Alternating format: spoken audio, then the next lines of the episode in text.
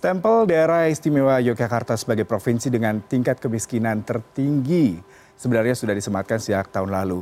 Selain menjadi provinsi termiskin di Pulau Jawa, Yogyakarta juga merupakan daerah dengan besaran upah minimum provinsi terkecil kedua. Di balik stempel Badan Pusat Statistik tentang Yogyakarta sebagai provinsi termiskin, Yogyakarta di mata wisatawan menjadi salah satu destinasi wisata primadona. Kami akan mengajak Anda membahas tingkat kemiskinan daerah di Indonesia. Kita akan membahas bagaimana sebenarnya kemiskinan di Indonesia. Sebenarnya kalau kita bicara kemiskinan itu ada suatu uh, yang sangat kompleks dan komprehensif kalau membahasnya. Tapi kalau kita lihat ini ada beberapa harga komoditas pangan yang menyumbang kenaikan harga dan pastinya juga membebani warga Indonesia, terutama terkait pengeluaran mereka. Kalau kita bicara mengenai faktor-faktor penyebab dari adanya uh, kemiskinan ya, secara eksternal kalau kita lihat ini kita tidak bisa melepaskan dari adanya kondisi geopolitik ya. Geopolitik uh, perang Ukraina dan Rusia yang berlangsung dari 2022 terutama itu juga berpengaruh terhadap naiknya sejumlah harga komoditi. Kalau kita lihat misalkan beras ini naik 1,46 persen. Mengapa terjadi hal seperti ini? Karena adanya restriksi kebijakan impor ataupun ekspor dari beberapa negara penghasil beras. Seperti misalkan India, kemudian juga Vietnam, di tahun 2022 sendiri mereka melakukan pelarangan. Kemudian terigu naiknya 13,97 persen. Anda tidak pernah menyangka bahwasanya terigu ini banyak diekspor dari negara yang berkonflik, yaitu salah satunya Rusia, kemudian negara-negara di kawasan uh, Eropa Timur. Kemudian juga telur ayam ini naik 19,01 persen ya.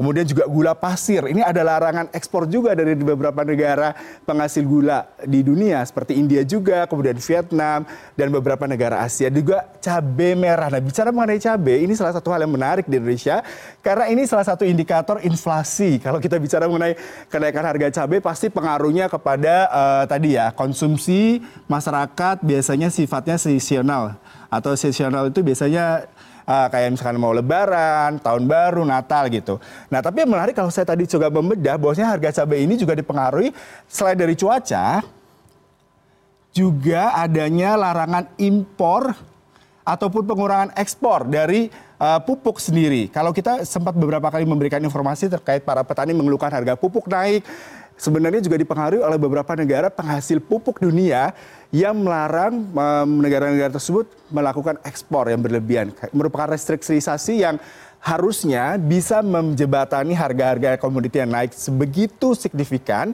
menjadi lebih bisa dikontrol.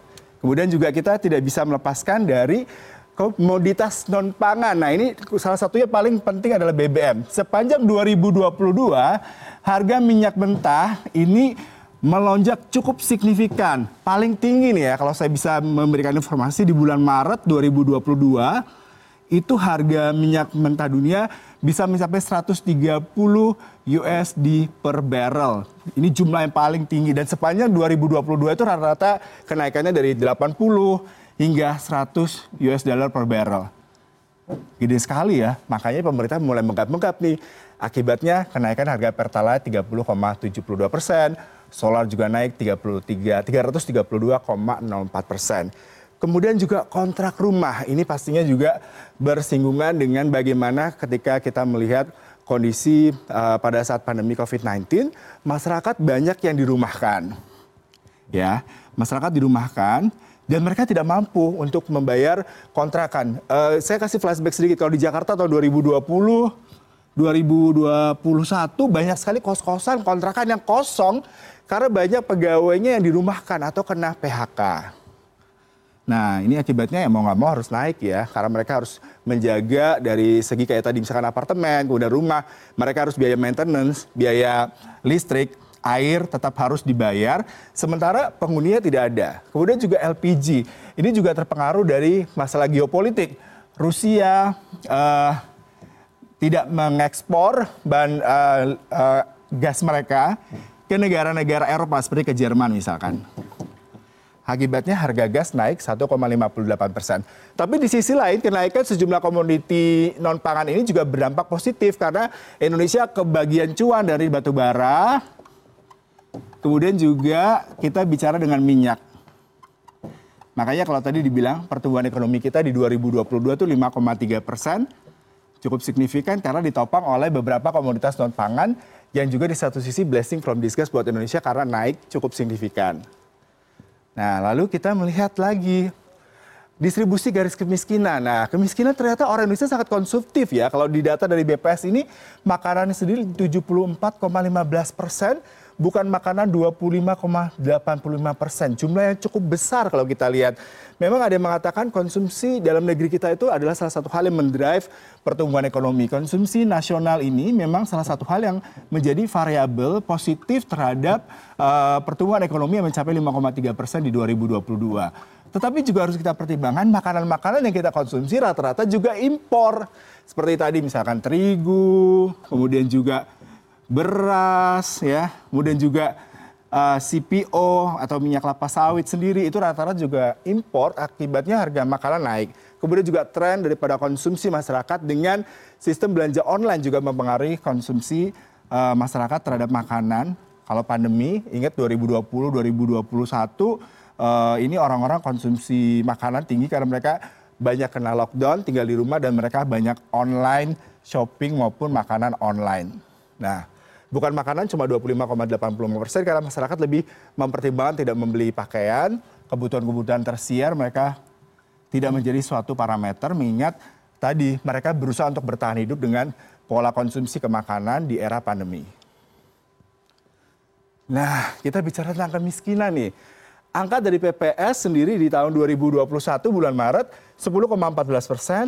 Kalau kita konversikan di bulan September sepanjang tahun 2021 memang terkesan turun ya. Uh, 9,71 persen. Tapi kalau kita lihat dari year on year-nya dari September hingga September 2022 ini naik. Nah, tapi yang menarik adalah kenapa bisa begitu? Misalnya kita lihat ini, ini kenaikannya ini salah satu tadi faktornya. Salah satu faktornya geopolitik, kenaikan barang impor, kemudian juga perubahan perilaku masyarakat, kemudian juga kita melihat adanya faktor yang bersifat uh, internal, cuaca, dan juga pemutusan hubungan kerja. Nah, kalau saya sedikit bisa memberikan informasi, faktor yang mempengaruhi kemiskinan ya di triwulan ini ekonomi melambat. Triwulan ketiga ekonomi kita melambat. Melambat nih ya. Kemudian kenapa bisa melambat? Ini salah satunya adalah upah buruh harian. Upah buruh tani harian itu turun. Turun sebesar 1,99 eh, persen. Nah ini kan kita lihat. Kemudian juga uh, konsumsi rumah tangga. Konsumsi rumah tangga Indonesia itu turun nih sebesar 0,12 poin. Ini gede banget loh sebenarnya kalau ngomong seperti ini. Jadi sebenarnya beberapa hal tadi yang mempengaruhi bahwasanya semua ini terkesan seperti angka statistik yang turun secara signifikan, tapi 0,0 sekian persen angka kemiskinan kalau kita hitung secara statistik cukup besar gapnya dan ini merupakan salah satu hal yang harus diwaspadai oleh pemerintah. Nah, kemudian kita lihat nih kota-kota atau provinsi mana saja. Papua misalkan 26,80 persen angka kemiskinannya. Tapi ini adalah uh, bukan jumlah penduduk ya, karena mungkin jumlah penduduk Papua, Papua Barat, Nusa Tenggara Timur tidak sebanyak misalkan dari Sumatera Selatan. Begitu juga penduduk Aceh dengan pertumbuhan uh, kemiskinan 15,43 persen, pastinya lebih sedikit daripada penduduk misalkan dari Sulawesi Selatan, atau Sumatera Selatan maksud saya. Jadi ini merupakan angka-angka di mana pastinya kalau kita lihat Papua, ini secara demografi kondisinya memang pegunungan, kemudian mereka sangat menggantungkan hidup pada tanaman-tanaman yang endemik, misalkan kayak uh, umbi-umbian, kemudian juga di satu sisi konsumsi masyarakat peralihan dari konsumsi makanan endemik, tanaman-tanaman endemik menjadi beras itu juga berpengaruh. Kemudian juga di satu sisi juga transisi masyarakat daerah menuju masyarakat modern juga berpengaruh. Kemudian distribusi makanan itu salah satu yang penting. Ketika BBM naik, ya ini salah satu yang tadi saya belum paparkan. Ketika BBM naik maka akan ada pertambahan kos distribusi, ongkos distribusi BBM. Makanya banyak yang bilang kalau semen di Papua ini harganya bisa lebih mahal daripada misalkan di Sumatera Selatan bahkan di Jawa. Bensin di Papua bisa lebih mahal daripada di Jawa karena ongkos distribusi mempengaruhi harga komoditi di setiap daerah dan tentunya juga berpengaruh terhadap angka kemiskinan. Ya, itu tadi informasi saya beri katakan terkait dengan kemiskinan di Indonesia.